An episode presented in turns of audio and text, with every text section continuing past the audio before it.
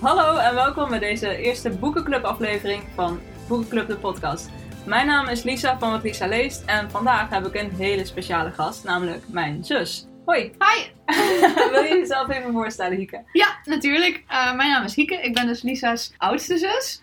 Uh, en de beste vriendin van Irene uit de eerste aflevering van deze podcast. Um, en ik hou van lezen. Ik heb mijn hele leven eigenlijk altijd veel gelezen. Sommige periodes wat meer, sommige periodes wat minder. Maar boeken hebben wel altijd een rode draad door mijn leven geleid. Ja, door ons leven. Door ons leven, wel. Ja. ja.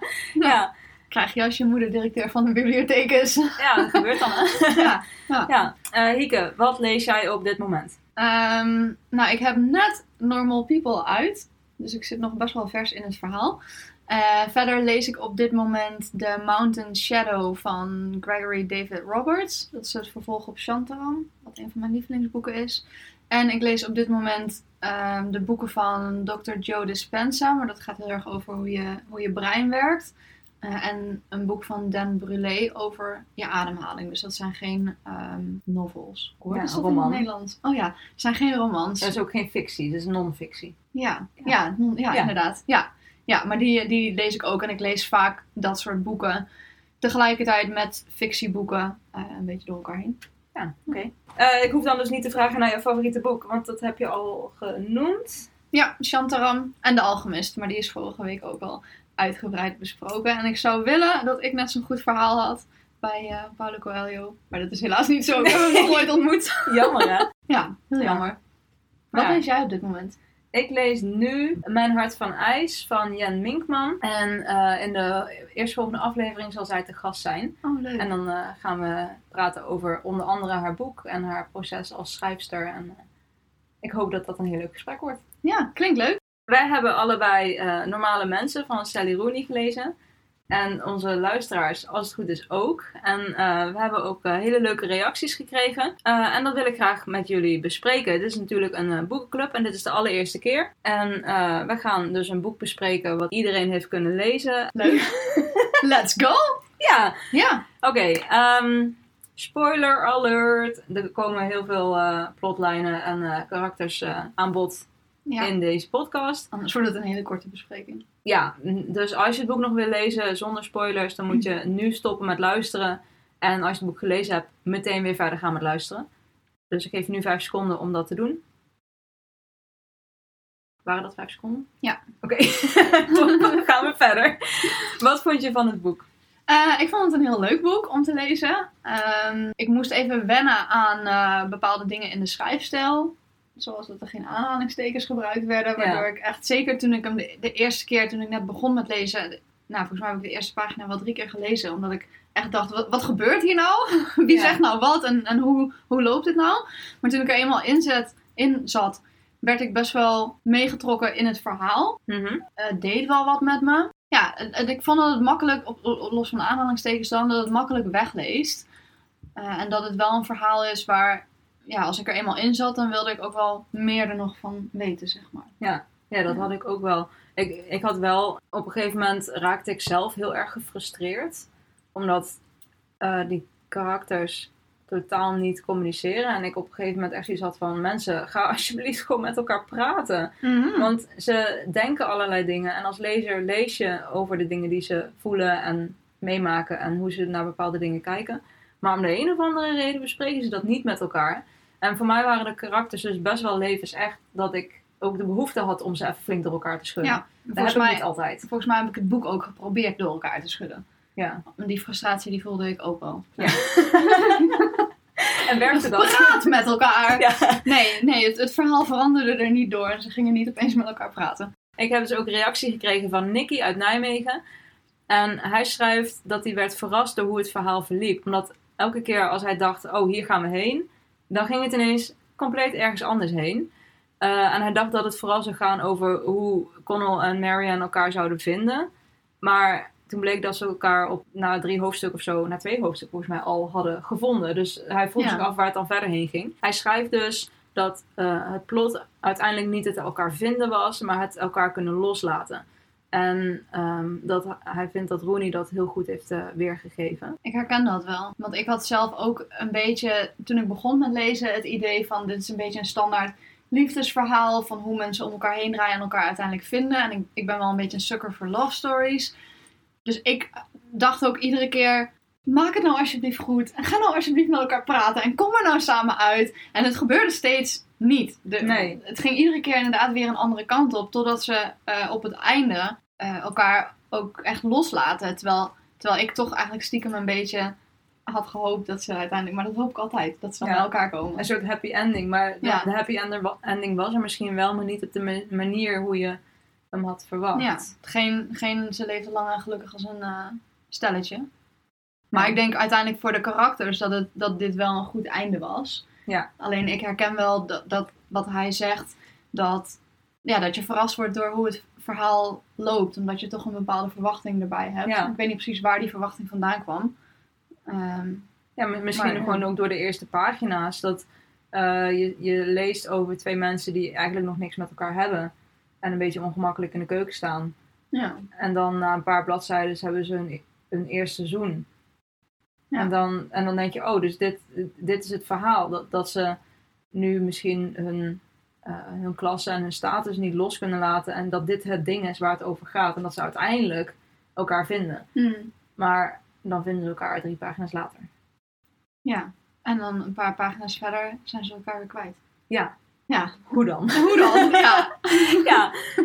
Nou ja, dat dus. Zeg Lisa, hoe kan je de titel verklaren?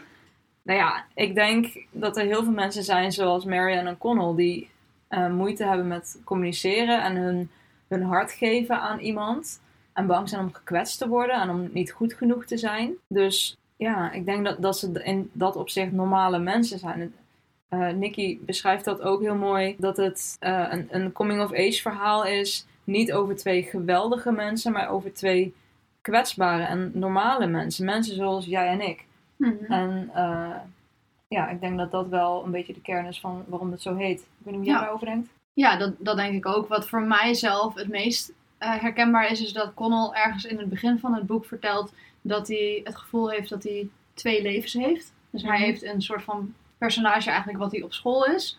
Populair en populair. En ja, een voetbal, voetbal of zo. Ja, hij zit in ieder geval in het sportteam. Ik kwam er echt heel laat in het boek achter dat ze in Ierland waren. Ik weet echt niet wat voor sport ze daar doen, maar dat, dat doet hij dus. Volgens mij voetbal. Ja, maar volgens mij... Ons voetbal. Oh, ik dacht dus American. Nee, dat is niet logisch. nee. Oké, zie je, dat komt omdat ik dus in de war was met waar, waar het verhaal nou precies plaatsvond. Ehm, terwijl die thuis echt iemand is die eigenlijk iedere minuut die hij heeft aan het lezen is. Eh, en de relatie met Marianne, Marianne, eh, we hebben hem allebei in het Engels gelezen. Ja. Dus de namen klinken in mijn hoofd anders.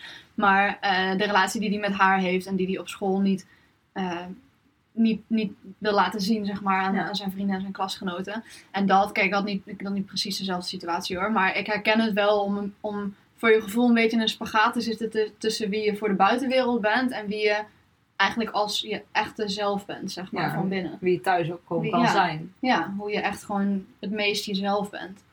Ik denk dat dat ook wel iets is wat veel tieners zullen herkennen. Ja. Ik bedoel, iedereen heeft de puberteit gehad. En Ja. die struggles zijn denk ik wel heel herkenbaar. En daarom, ik vond het ook wel leuk dat het boek begon op de middelbare school. Ja, Omdat juist daar dat heel erg belangrijk is. En later in het boek speelt dat ook veel minder een rol voor hem. Hij hoeft zijn relatie niet meer geheim te houden met haar. Nee. Dus ik vond wel... maar ik vraag dat- me wel af, want la- later in het boek hoeft hij zijn relatie niet meer geheim te houden. Maar eh, als je dan kijkt naar de universiteit waar ze op zitten, daar zijn de rollen omgedraaid. En daar is zij eigenlijk degene die populair is. En ik vraag me af of als hij op dat moment nog steeds de populaire jongen was geweest, Of hij dan of dat hij dan, ook had kunnen doen. ja, of dat hij dan nog steeds de relatie geheim had willen houden. Goeie vraag. Ja, zullen we Sally even bellen? Heb jij de nummer? nee, misschien heeft ze Instagram. ja, ja, kan. Nou ja, ehm, alle dingen die wij natuurlijk nu zeggen. En als je daar nog iets over kwijt wil, mag je altijd mailen natuurlijk. Dus eh, heb jij hier slimme dingen over? Meld ze alsjeblieft. Heel graag. Want dan kunnen wij ook weer verder. Ehm, ja, want nu zit ik echt Ja. vast in mijn leven. Dit is een soort ik- van onbeantwoord. ja, What? Ja. wat als? Wat als? Wat als Connell nog steeds populair was? En had hij dan met Marianne in het openbaar kunnen zijn? Of had hij dat verborgen willen houden? Ja, had hij dan nog steeds eigenlijk wat hij op de middelbare school deed, datzelfde Ja. patroon voortgezet? Ik denk het eigenlijk wel. Ik denk het ook. Want op dat moment was hij nog niet volwassen geworden in het boek. Nee. Hmm. Hmm, interesting. Zijn er bepaalde thema's die je terugvindt in het boek? Ehm, nou ja, sowieso natuurlijk de communicatie of het gebrek aan communicatie tussen die twee. Ehm, terwijl ze ook over heel veel dingen wel kunnen praten, maar over hunzelf en hun eigen relatie en wat ze daarin nodig hebben en willen, eh, dat, dat kunnen ze niet bespreken met elkaar.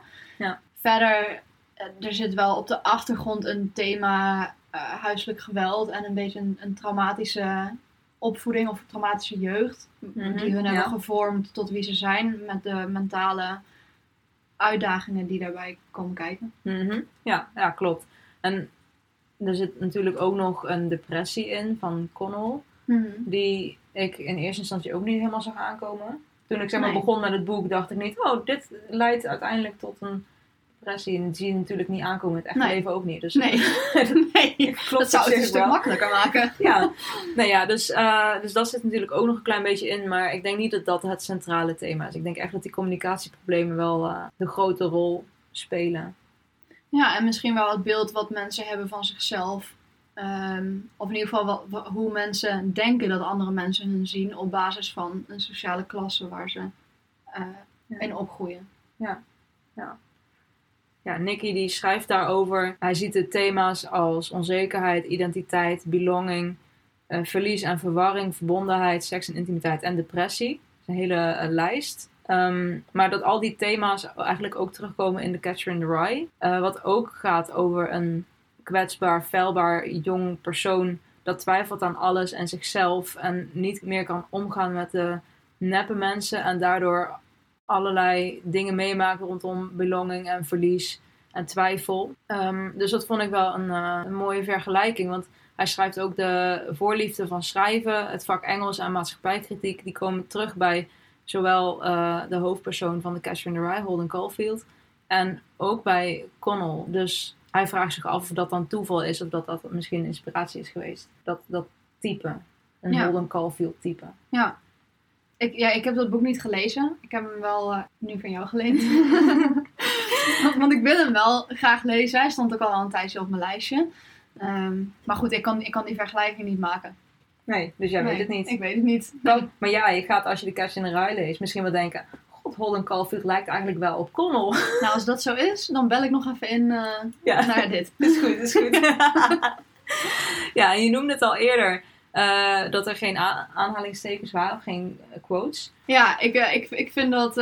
ik moest daar heel erg aan wennen. Ik merkte ook iedere keer als ik zeg maar stopte met lezen en de dag daarna verder ging lezen, dan moest ik weer opnieuw daaraan wennen. Dus dan moest Ja. ik weer opnieuw de eerste pagina die ik las twee of drie keer lezen voordat ik dacht, oh ja, zo werkt het in dit boek. Ehm, heb jij andere boeken van haar gelezen?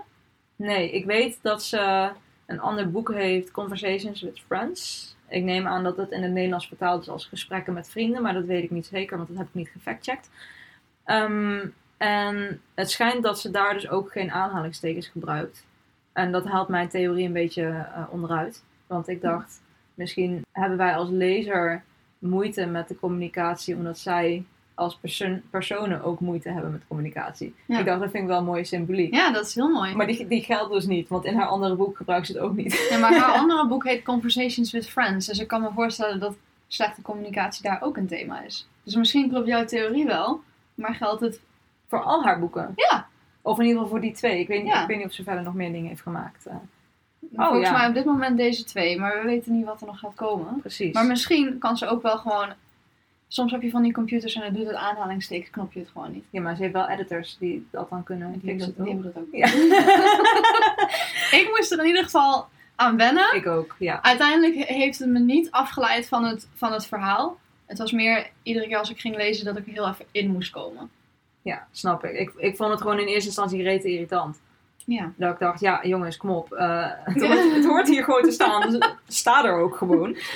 Maar Ja. ik, ik wende er gelukkig wel heel snel aan. eh, eh, dus dat maakt het wel iets beter. Is dat in het Nederlandse boek ook, denk je? Ja. Want wij hebben allebei Ik heb het gecheckt. Oké. Ja, en eh, ik werk in de boekhandel en ik heb dus even de Nederlandse versie bekeken toen ik het met een collega over dit boek had. En in de Nederlandse versie zijn ook geen aanhalingstekens. Oké. Dus het is niet dat ze dachten bij de Nederlandse uitgever, laten we dit even verbeteren. Nee, maar goed, het kan natuurlijk echt haar stijl zijn. Ja, Of ja, ik vind het wel mooi wat je zei, dat het ook wel past bij de thematiek van het boek.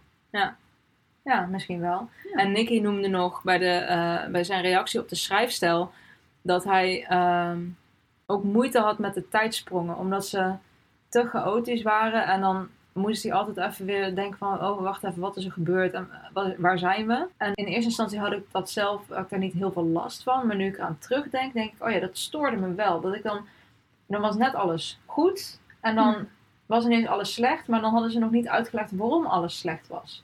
Of andersom. Dan hadden ze ineens Ja. weer contact, maar dan was nog niet uitgelegd hoe ze dan weer contact hadden gekregen. En dan raakte ik helemaal in de war. En denk ik, ja, we zijn nu drie weken later, maar hallo. En drie weken valt nog mee. Soms Ja. was het ook zes maanden. Nee, ik moest daar wel even aan wennen. Ik merkte wel dat ik iedere keer bij een nieuw hoofdstuk echt even goed naar... me- meestal sla ik de titels een beetje over. Ja, En hier moest ik wel iedere keer even goed naar de titel kijken van... Oké, welke tijdsprong gaan we nu maken? Ehm, en ik vond, het, ik vond het eigenlijk wel leuk. Omdat het voor mij het boek wel dynamischer maakte. En omdat het wel een verhaal is wat... Het verdient om verteld te worden over een langere periode. En ik denk als je, hem- als je die tijdsprongen niet had gemaakt ja, dan, dan was het een beetje, ik denk wat minder interessant geworden. Omdat ja, die periodes blijkbaar iets minder interessant waren. Of je had een heel dik boek gekregen. En ik denk dat door die tijdsprongen je juist de essentie van hun relatie ook wel goed kon weergeven. Omdat hun relatie eigenlijk ook tijdsprongen had. ja, daar ben ik het ook wel mee eens. Maar ik denk qua schrijfstijl had, had mevrouw Rooney dat ook chronologisch kunnen weergeven. Ja. En dus in plaats van zes maanden vooruit te springen, vijf en een halve maand vooruit te springen. En hun, wat het dan ook is, Ja. wat er daar gebeurde, dan hoef je niet steeds terug te blikken als je halverwege een hoofdstuk bent. Ja, ja Dus dat, waar. dat was wel eh, waar ik achteraf, toen ik over na ging denken, dacht, oh ja, dat was misschien wel een beetje onhandig. Maar eh, ja, tijdens het lezen heeft me dat niet tegengehouden om toch van het boek te genieten. Dus Nee. waar zeuren we eigenlijk over? Ja, ja toch? Hebben wij een boek geschreven? Nee. Nog niet. Dat is waar. Goed punt. Alles kan altijd. Ja. Spank me, daddy. nou ja, Spank Me Daddy, inderdaad. Dat is ook een thema in het boek. Ja, Ja, ik dacht ik gooi hem er even in. ja want eh, eh, Marianne, of Marianne, hoe ze in mijn hoofd heet, heeft wel voorkeur voor lichte BDSM, om het zo te noemen. Ja. Wat denk je dat dat betekent? Waar, waar komt dat vandaan? Eh, ik denk dat het in haar geval te maken heeft met ehm, haar jeugd. Waarin veel huiselijk geweld plaatsvond. Waarmee ik overigens niet wil zeggen dat iedereen die van BDSM houdt. Ook Ehm, dat heeft meegemaakt? eh, ja, dat, dat zeker niet. Maar ik denk dat het in dit boek daar wel. In dit boek denk ik wel dat, dat ze een deel van haar jeugd terug laten komen op die manier.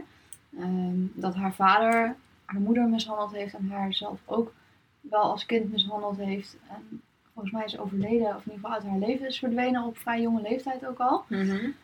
Ehm, en haar broer eigenlijk hetzelfde gedrag als haar vader laat zien, waardoor ze in mijn ogen niet is opgegroeid met een gezonde man-vrouw relatie of een liefhebbende relatie. Ehm, en ik denk het feit dat ze dan bij eh, vriendjes zichzelf onderdanig op wil stellen ehm, en, en geslagen wil worden of gewurgd wil worden.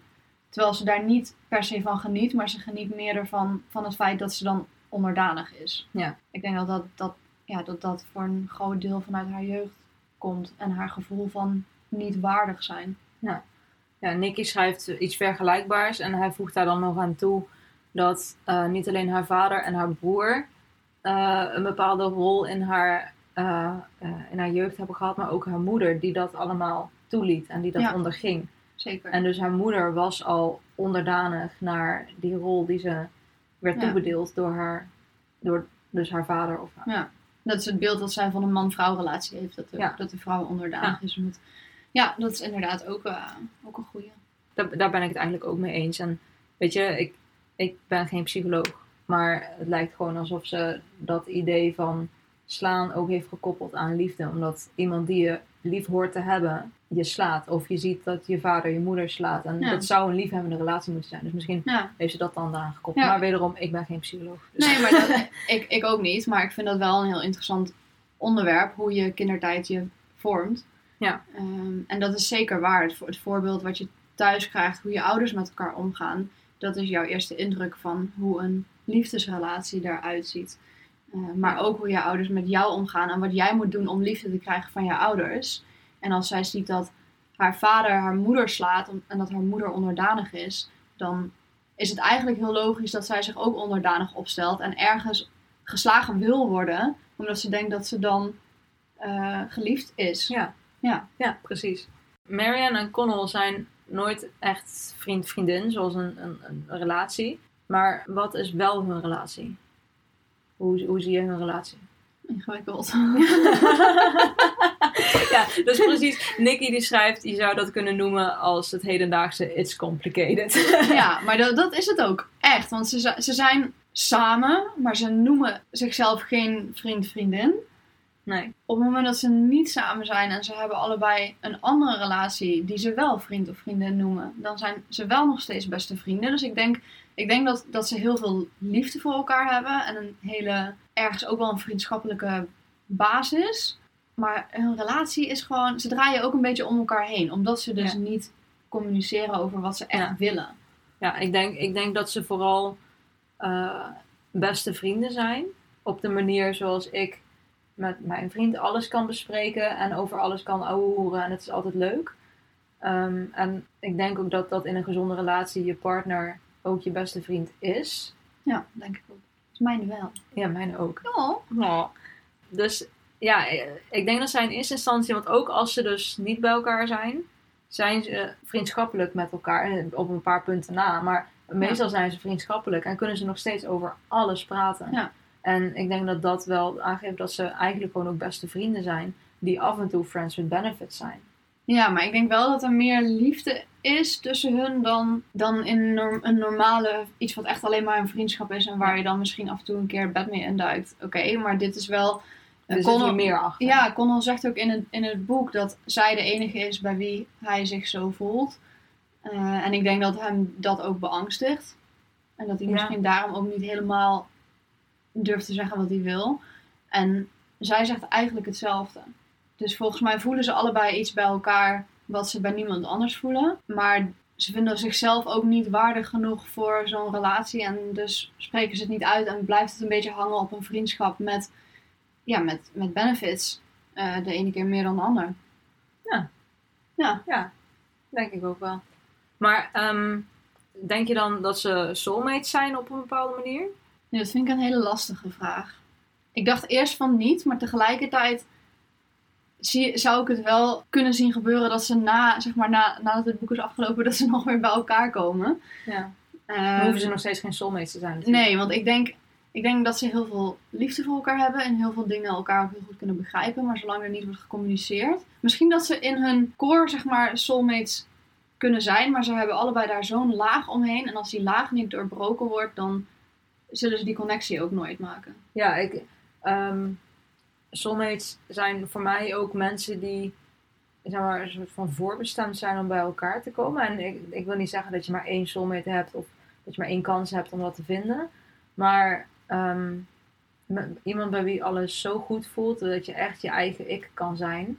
Hmm. En in dat opzicht, wat je al aangaf, dat Connell zegt dat hij zich nergens anders zo voelt. En dat, dat hij dingen met haar kan bespreken die hij met niemand anders kan bespreken, denk ik wel dat dat een, een soort van soulmate is. Uh, alleen er zit hun te veel in de weg. Het is een beetje zoals Ross en Rachel in Friends. Ja. Ik bedoel, die, die zijn toch ook soulmates, maar ja. er zit gewoon elke keer iets in de weg. Ja, ja, ja. ja. ja. Zoiets, een meisje uit de copyshop of... Uh... Inderdaad. Dus ik denk dat, dat, dat, dat, dat je elkaar steeds blijft terugvinden. Ook al gebeuren er steeds dingen waardoor je uit elkaar wordt gedreven. Ik denk dat dat wel kan aangeven dat je toch soulmates bent. Ook al zijn er dingen waar je doorheen moet samen. Ja, ja, en dat is eigenlijk denk ik wat ik bedoel met dat ze diep van binnen wel soulmates zijn, maar zolang ze niet alle rotzooi loslaten en Ja. daardoor, daardoorheen gaan, dan, eh, dan, dan zal het altijd zo door blijven gaan als dat het zeg maar in het boek is gebeurd. Ja. ja, en in het boek draait het natuurlijk ook heel erg om de sociale klasse en de status die ze hebben. Ehm, en dat speelt heel erg mee in wat, ze, wat hun in de weg staat eigenlijk. Ja, terwijl het eigenlijk vooral, ze staan vooral zichzelf in de weg. Zeg maar, want ze, ze hebben allebei een bepaald beeld van zichzelf en ze denken allebei dat ze niet goed genoeg zijn voor de ander, omdat ze die ander op een voetstuk plaatsen. Ja. Terwijl die ander dat dan andersom ook weer denkt. Ja, het is. Marianne is misschien niet zo bezig met haar sociale status. eh, zeg maar op school en zo. Dat ze populair is, dat boeit haar niet. Of ze dat wel of niet is. Nee. Maar eh, zij voelt zich minder waardig vanwege de intelligentie van Connell. En hij voelt zich minder waardig. Ik denk wel ook dat het financiële aspect daar een rol in speelt. Omdat zij natuurlijk Ja. heel veel geld heeft en hij met een beurs naar eh, eh, university moet. Nou ja, en het feit dat zijn moeder eh Werkt voor haar schoonmaakte in ja. het huis van de moeder van Marianne. Ja, dus ik denk dat dat eh, voor hun zelfbeeld ook best wel veel effect heeft. Ook omdat eerst wil eh Connell natuurlijk hun relatie geheim houden op de middelbare school vanwege zijn status. Maar vanwege zijn klasse heeft hij later op eh, Trinity daar moeite mee. Omdat hij Ja. moet werken en zij gewoon lekker in een appartement zitten chillen en wijn Ja. zitten drinken met vrienden. Ja, en wat ik eigenlijk wel mooi vind, is dat zij dus allebei een bepaald beeld hebben van de ander. En die ander eigenlijk als een heel goed persoon zien. En dat die persoon dat zelf niet ziet. En ik denk dat dat, dat in het echte leven ook veel gebeurt. Dat mensen eh, een ander beeld over zichzelf, een slechter beeld over zichzelf hebben. Dan hoe andere mensen hun zouden omschrijven. Ja, en en Nicky die, die, die zegt ook dat Connell heel erg bezig is eh, met zichzelf bewijzen, omdat hij uit de werkersklasse komt. En eh, Marianne daar eigenlijk geen aandacht heeft voor haar status, ook omdat ze de bevoorrechte positie heeft dat ze een goede status Ja. heeft. Dus dan hoef je er ook niet over na te denken. Net als white privilege. Ja, eigenlijk wel. En ehm, dus dat dat natuurlijk ook nog wel voor, voor haar eigen zelfbeeld. Ze denkt daar helemaal niet zo over na dat ze rijk is, omdat ze rijk is. Pas als je Ja. geen geld hebt, merk je dat je geen geld hebt. Ja, oh, er is ook één zin die Connell zegt in het boek. Het valt mij ook op dat Connell heel erg eh, vertelt, of tenminste we lezen over Connell, dat, dat hij zich eerst heel erg populair voelde en heel veel vrienden had en altijd aandacht kreeg. En dan op eh, Trinity zich heel erg eenzaam voelt. Da- daar gaan Ja. zeg maar pagina's 66 tot en met 70 over. Omdat Mhm. hij daar ook die sociale status niet meer heeft. Ja, dus hij had eigenlijk zijn zelfbeeld heel erg opgehangen aan zijn populariteit op school. Ja. En als, toen dat wegviel, toen wist hij eigenlijk niet meer zo goed wie hij was. Ja. Dat was niet degene die Nee. ik... Toen ik het voorlas, dacht, of toen ik het las, dacht ik, oh nee, dat is ook inderdaad niet wat jij zocht. Maar het was wel. Ja, ik had een zin. Ik had hem echt... Ik dacht het nog, maar ik had geen pen. Ik dacht, nee, ik ga doorlezen. ik had het toch gelijk moeten onderstrepen. Er zit ook geen ctrl-f op dit boek. Het is ook onhandig dat er geen eh eh, leestekens, of weet je, die eh, aanhalingstekens in zitten. Want dan kan je dus ook niet makkelijk zoeken naar een zin die gezegd is. Ja, inderdaad. Ik dacht ook vooral omdat het maar één zin was. Ik onthoud het wel. De zin, zeg maar. Ja. Dan hoef ik hem ook niet meer op te zoeken in een Ja. boek. Maar dat is dus niet gelukt. Oh! Heb je hem gevonden? Wow! Oké, op het randje, op het randje, vertel. Het was ook niet eens iets wat hij zegt.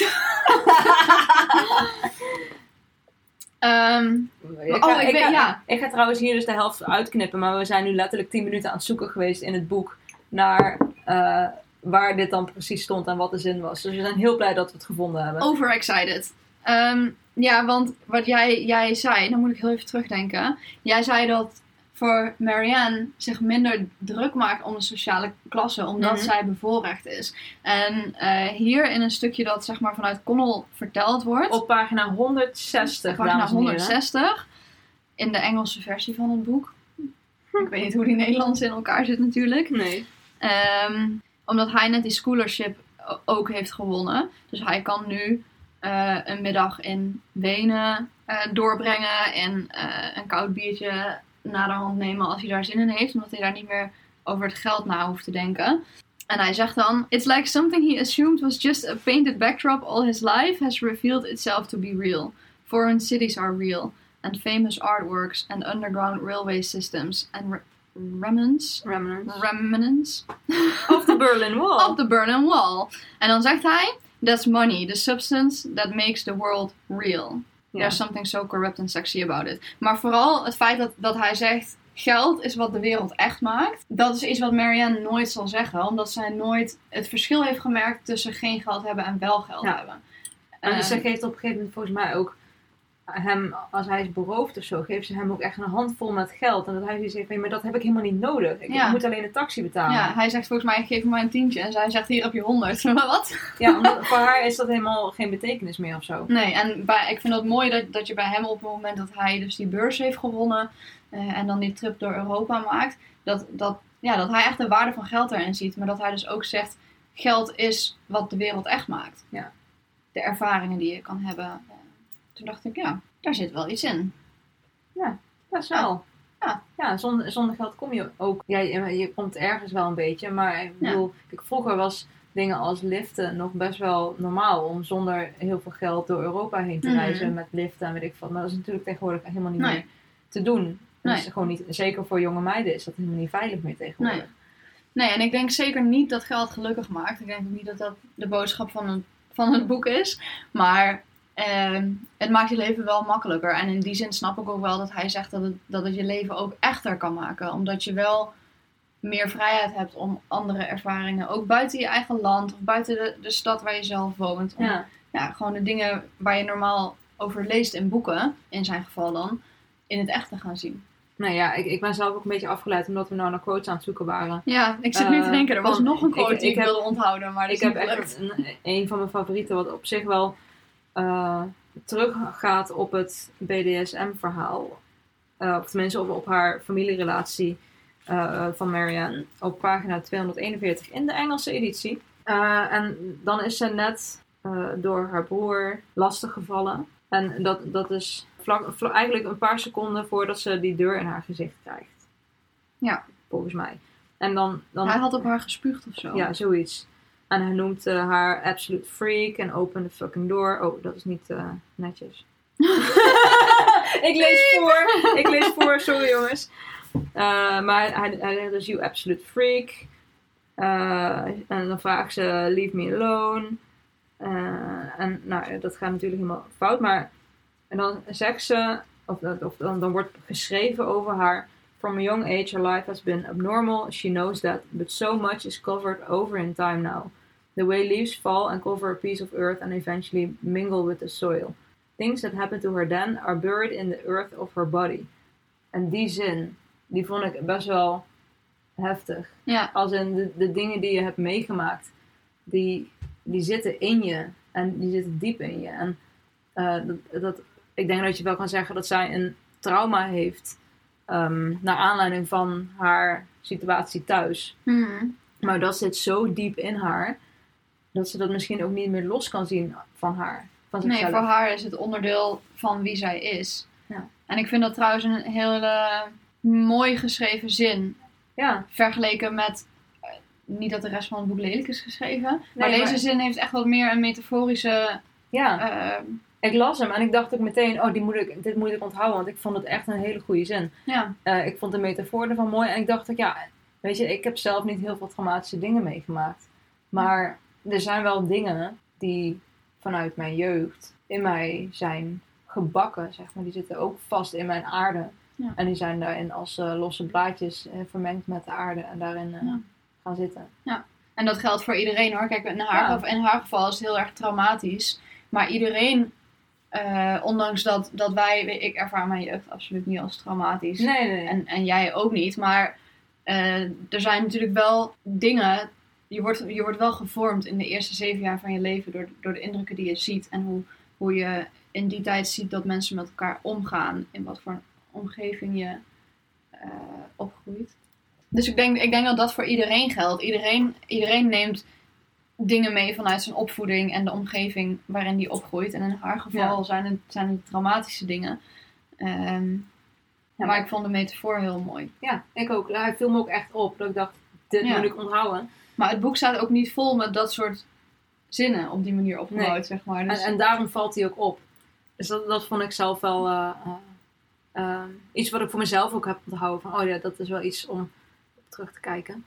Ehm, nou ja, één ding is volgens mij al helemaal duidelijk voor iedereen. Maar toch, wat denk je dat het grootste probleem is in de relatie tussen Connell en Marianne? nou, daar moet ik even goed over nadenken. Ja, zou het... ik denk, ik denk zijn? nou, op het einde wel. Uiteindelijk. zou het geld zijn? uiteindelijk ook ergens. Ergens eh, ook ja. wel, ja. Maar goed, het feit dat ze gewoon er niet over praten. ja, precies. dat echt dat communicatie... eh, communicatie is, is, de, is het grootste probleem.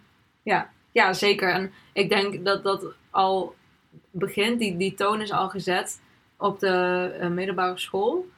Ehm, niet per se dat Connell niet wil bekendmaken dat ze samen een relatie hebben, maar dat Marianne wil dat hij met haar naar het eindfeest gaat, maar dat niet tegen hem zegt. En hij daarom iemand anders vraagt. Ja, Daar gaat het fout. Ja. Daar begint het. Ja. Want als zij op dat moment had gezegd: Connell, het is het eindfeest. Niemand kan het wat schelen, want hierna zien we elkaar toch nooit meer. Behalve ooit op een keer een reunie. Mhm. Ehm, voor, voor hem had dat denk ik dan ook niet meer uitgemaakt. Als zij op dat moment had gevraagd: Wil je mij meenemen naar het eindbal? Dan had hij gezegd: Ja, dat doe ik. Ja. Denk ik. Of in ieder geval. ja, ik twijfel, omdat hij daar, daarvoor, vlak voordat hij iemand anders ging vragen, had hij met zijn moeder een gesprek. Waarin eh, zijn moeder ook heel erg vroeg hoe zit het dan tussen jullie? En zei nee, we zijn geen vriend en vriendin en dit en dat. En daar werd hij een beetje geïrriteerd van. Dus ik dacht ook dat, dat los van zeg maar de, de populariteit en het imago wat hij op school ehm, groot wilde houden, zeg maar. Mhm. Dat hij misschien door zijn vragen van de moeder, van zijn moeder, eh, hun relatie opeens te echt werd en te dichtbij kwam. En dat hij ook daarom er een soort van voor weg is gelopen en iemand anders heeft gevraagd. Want eigenlijk, wat zij iedere keer doen, is dat zij iedere keer gewoon, gewoon zelfsabotage. Ja. Ze willen eigenlijk allebei hetzelfde, maar de een, ja, ze spreken zich eigenlijk allebei niet uit. Ja, en misschien ook uit een soort angst. Van dat het dan inderdaad echt is. Ja, dat vond ik op dat stukje, dat, omdat hij dat gesprek met zijn moeder had en daarna iemand anders ging vragen. Ik kan even dat gesprek niet meer helemaal terughalen, maar wel dat ik dacht, oh, we gaan niet weer 10 minuten zoeken. Nee, nee, nee, zeker niet. nee, maar dat, dat was wel, ik denk dat, dat in dat gesprek dat het bij hem doordrong van, oh shit, we noemen het wel geen relatie, maar ja, misschien is het dat wel. En, en dat het dan toch vanuit een soort angst of zo. En dan, eh, al- als ik haar dan mee zou nemen naar het eindbal. dan is het helemaal echt. Ja. En dan weet iedereen het ook. Dan is het ook niet meer iets van ons. We hebben het eigenlijk helemaal niet over gehad dat hij zonder vader is opgegroeid. Nee. Wat denk, wat denk je dat dat voor een invloed op zijn karakter heeft gehad? Nou, ik vind sowieso dat hij een schat van een moeder heeft. Ja, ik ook. ja, sorry, maar dat vind ik echt. Ik denk, Als Oh. ik dan toch een crush op iemand in dat boek moet hebben, Dan dan, is het- zij het. ja, Ja. Oh, ik wil. Nee, ik, ik bedoel, ik hou heel erg van onze moeder. Maar ik wil bijna zeggen, ik wil haar als moeder. Maar ik, ik, ik wil onze eigen moeder. Maar ik wil haar wel als eh, moeder van mijn beste vriendin of zo. Gewoon als buurvrouw. Ja, ik, ik, gewoon, nee, maar echt een heel fijn mens. Ehm, en ik denk eh, voor Connell wat dat betekent. Ik denk dat hij daardoor, niet per se daardoor, maar hij- het is een hele zachtaardige jongen. Mhm. En hij heeft heel veel respect voor vrouwen. Ja. Dat, ik bedoel, het feit dat zelfs als Marianne het vraagt, hij haar niet wil slaan, Ja. eh, geeft aan dat hij heel veel respect heeft voor vrouwen. En ik denk dat dat deels komt omdat hij alleen met een vrouw is opgegroeid. Ja. En hij, hij, is- hij zegt ook in het boek dat hij helemaal niet nieuwsgierig is naar zijn vader. En daar eigenlijk ook nooit naar vraagt bij zijn moeder. Mhm. Hoe denk je dat dat komt? Zit ik me nu even af te vragen. Ja, een goede vraag. Ehm, misschien door de dingen die hij al weet over zijn vader. Misschien, ik bedoel, Maar volgens mij weet hij niks. nee, maar als klein kind, zeg maar, op, Ja, dan op een gegeven moment je- hoor je wel van, oh, mijn vader is er niet, waarom dan niet? En dan zal Ja. zijn moeder wel iets gezegd hebben van, ja, het, eh, Ja, en ik denk dat hij ook wel dingen oppakt tussen hoe zijn moeder met haar broers en zussen, zeg maar, ja. omging. Zeker, zeker ja, toen hij nog jong was. En volwassenen dan denken dat kinderen dat niet doorhebben. Mhm. Ehm, en, ik, maar ik vind het ook wel mooi dat hij zegt, weet je, het, het is gewoon goed aan. Hij is er mijn hele leven niet geweest, dus waarom zou ik daarna op zoek gaan? ja. Ik heb niet het idee dat hij daardoor iets, iets mist eigenlijk. Nee, maar de- dat is denk ik ook wat hij zelf zegt. Ik mis Ja. hem niet, dus waarom zou ik hem zoeken? Nou ja, sommige mensen die gaan dan op zoek naar hun vader of moeder. eh, om, in de hoop om zichzelf te vinden, zeg maar. En ik denk wel dat hij zichzelf een beetje kwijt is. Maar nu ik erover nadenk, denk ik niet dat het per se te maken heeft met het feit dat hij zonder vader is opgegroeid. Ja. Hoewel zijn moeder wel heel jong was En dan zijn we terug bij mijn favoriete serie. Gilmore Girls. Ja. kan je nog even Lorelai en wie? Ja, nee, ga ik niet zeggen hoor, doei. Zeg jij het maar. Rory. Dus echt, ik vind dat de meest irritante naam om uit te Maar spreken. hoe kunnen ze dat ook echt Zeggen mensen in die serie die naam vaak? Ik Ja. dat, ja, maar ik kan Maar dus zij, niet... zeggen dan volgens mij meer een iets, iets hardere R in de eerste en meer een. Rory. Ja, ik kan het dus niet nadoen. Rory. Ro- Rory. Maar ze zeggen niet Rory, want dat is te, te Nederlands. Rory. Rory. Maar ze zeggen een beetje Rory, denk ik. Ja, maar ik, ik ga... Want in Lorelei zeg je ook Lorelei. Lorelei. Ze zeggen Nee, ja. Dus. Maar ik vind dat echt Ro- Ro- Rory Ja. de moeilijkste naam om uit te spreken. Voor niet Engels sprekende mensen, misschien is het voor Engelstaligen heel erg makkelijk. Nou, maar dat hoor ik dan graag van ze, maar voor mij niet. nee, voor mij ook niet. Dus. De Rory Gilmore, Gilmore Reading Challenge is niet alleen een challenge vanwege de boeken, maar ook vanwege haar naam. Vooral als je iedere keer ja, die naam hardop wil zeggen. Ja.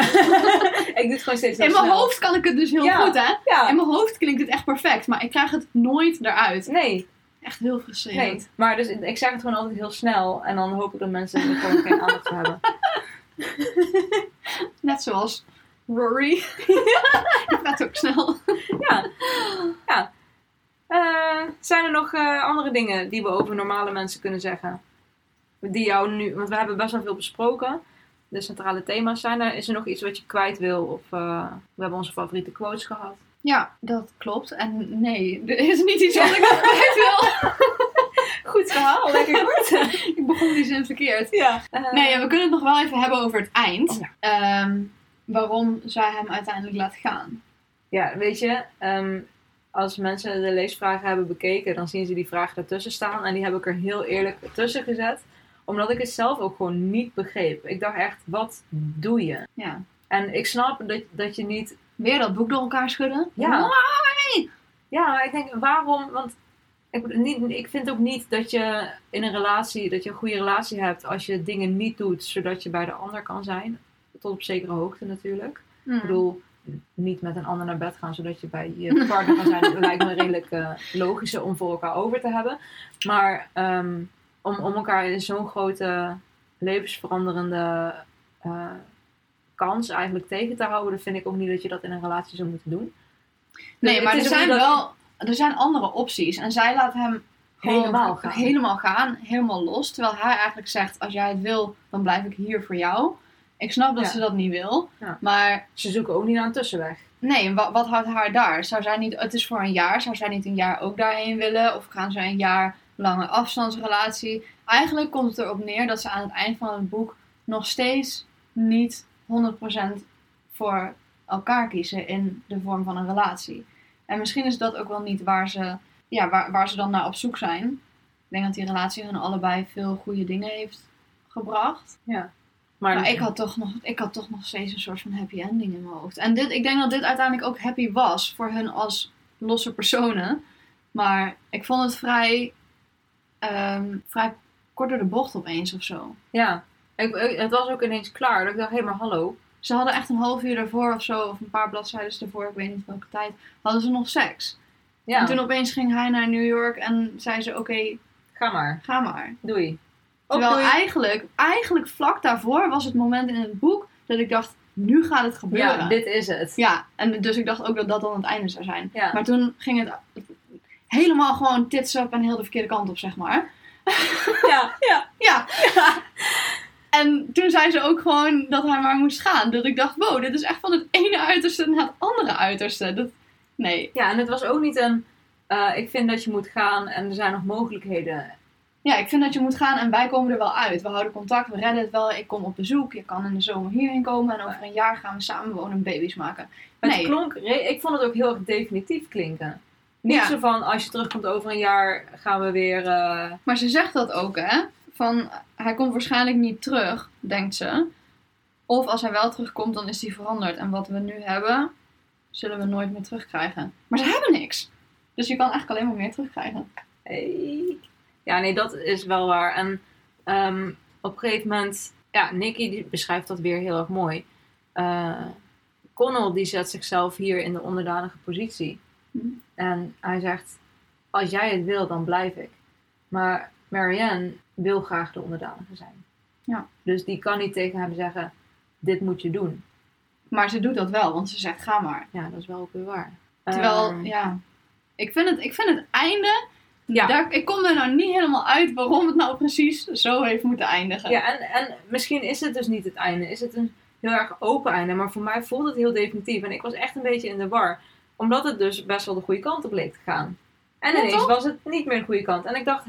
Dus daarom dacht ik, ik ga dit vragen. Misschien dat mensen nog iets intelligents weten te zeggen. Nou, als iemand nog iets intelligents weet. Ja, want ik vind het dus wel heel erg leuk als jullie nog eh, als luisteraar gigantisch goede dingen te zeggen hebben. Ook trouwens als je gigantisch slechte dingen te zeggen hebt. Als je denkt, waar hebben die twee het nou over? Ze hebben dit boek echt volledig verkeerd begrepen.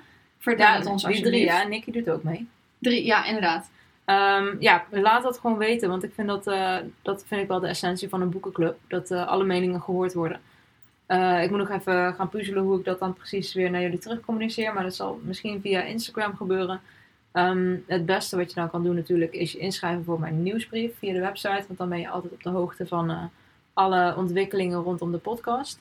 Ja, ik denk, ik denk echt dat we nu alles wel besproken hebben. Ja, en nee, ik denk ook inderdaad dat we alles besproken hebben. Ik denk dat we de essentie van het boek goed hebben uitgemolken. Ja, want we hebben ook zeg maar onafhankelijk van elkaar eh, de, de, de antwoorden bedacht. Hmm. En we komen toch tot dezelfde conclusie. dus dan Ja. zal het misschien wel Maar waarheid zijn. Ja, of We Of- zitten er allebei compleet naast. we zijn door dezelfde mensen opgevoed. Dus ja. Dat is wel een dingetje.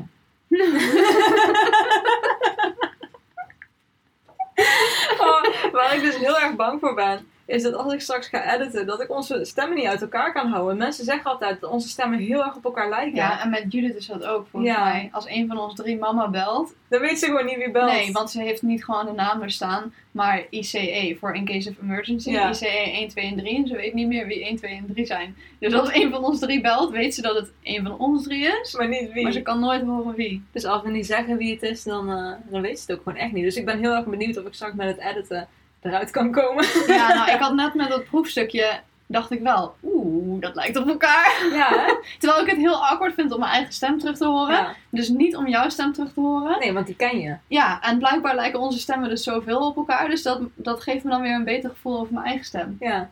Chill. Ja, het is echt oké. Nou, ik ben heel erg benieuwd hoe dit eh, gaat eindigen straks. Over eindigen gesproken. De belangrijke dingen die jullie natuurlijk allemaal willen weten is... eh, dit was de eerste aflevering van een boekenclub. Eh, de bedoeling is dat we dit elke vier weken doen. Op de website en op Instagram kondig ik ruim van tevoren de nieuwe boeken aan voor de boekenclub. Zodat je eh, of de vier weken of dus acht weken de tijd kan nemen om te lezen. Doe het vooral op je eigen tempo. Voel je niet verplicht om... eh, alle vragen te beantwoorden, maar alle reacties zijn welkom. Als je het boek nog niet gelezen hebt, mag je ook je verwachtingen opsturen. Vind ik ook heel erg leuk. En dus over vier weken ga ik Zondagskind bespreken van Judith Visser. Dat gaat over eh, opgroeien met autisme. Een jong meisje die, eh, die nog niet weet dat ze autisme heeft. In de tijd dat autisme ook nog niet een standaard diagnose was. Eh, en en hoe, ja, haar belevingswereld. En er zitten heel veel hondjes in. Superleuk.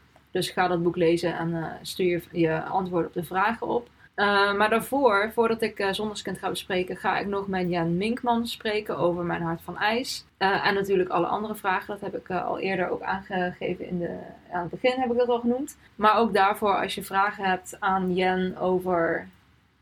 ik weet trouwens niet of het Jen of Jen is, maar goed. Ik zeg maar gewoon steeds Jen, het zal wel. We komen er over twee weken Ja, op. we vinden het vanzelf. Sorry Jen of Jen als ik het verkeerd heb uitgesproken.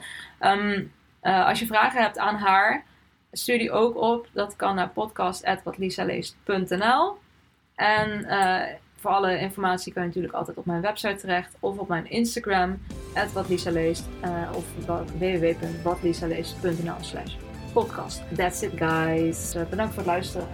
Tot de volgende. Tot de volgende.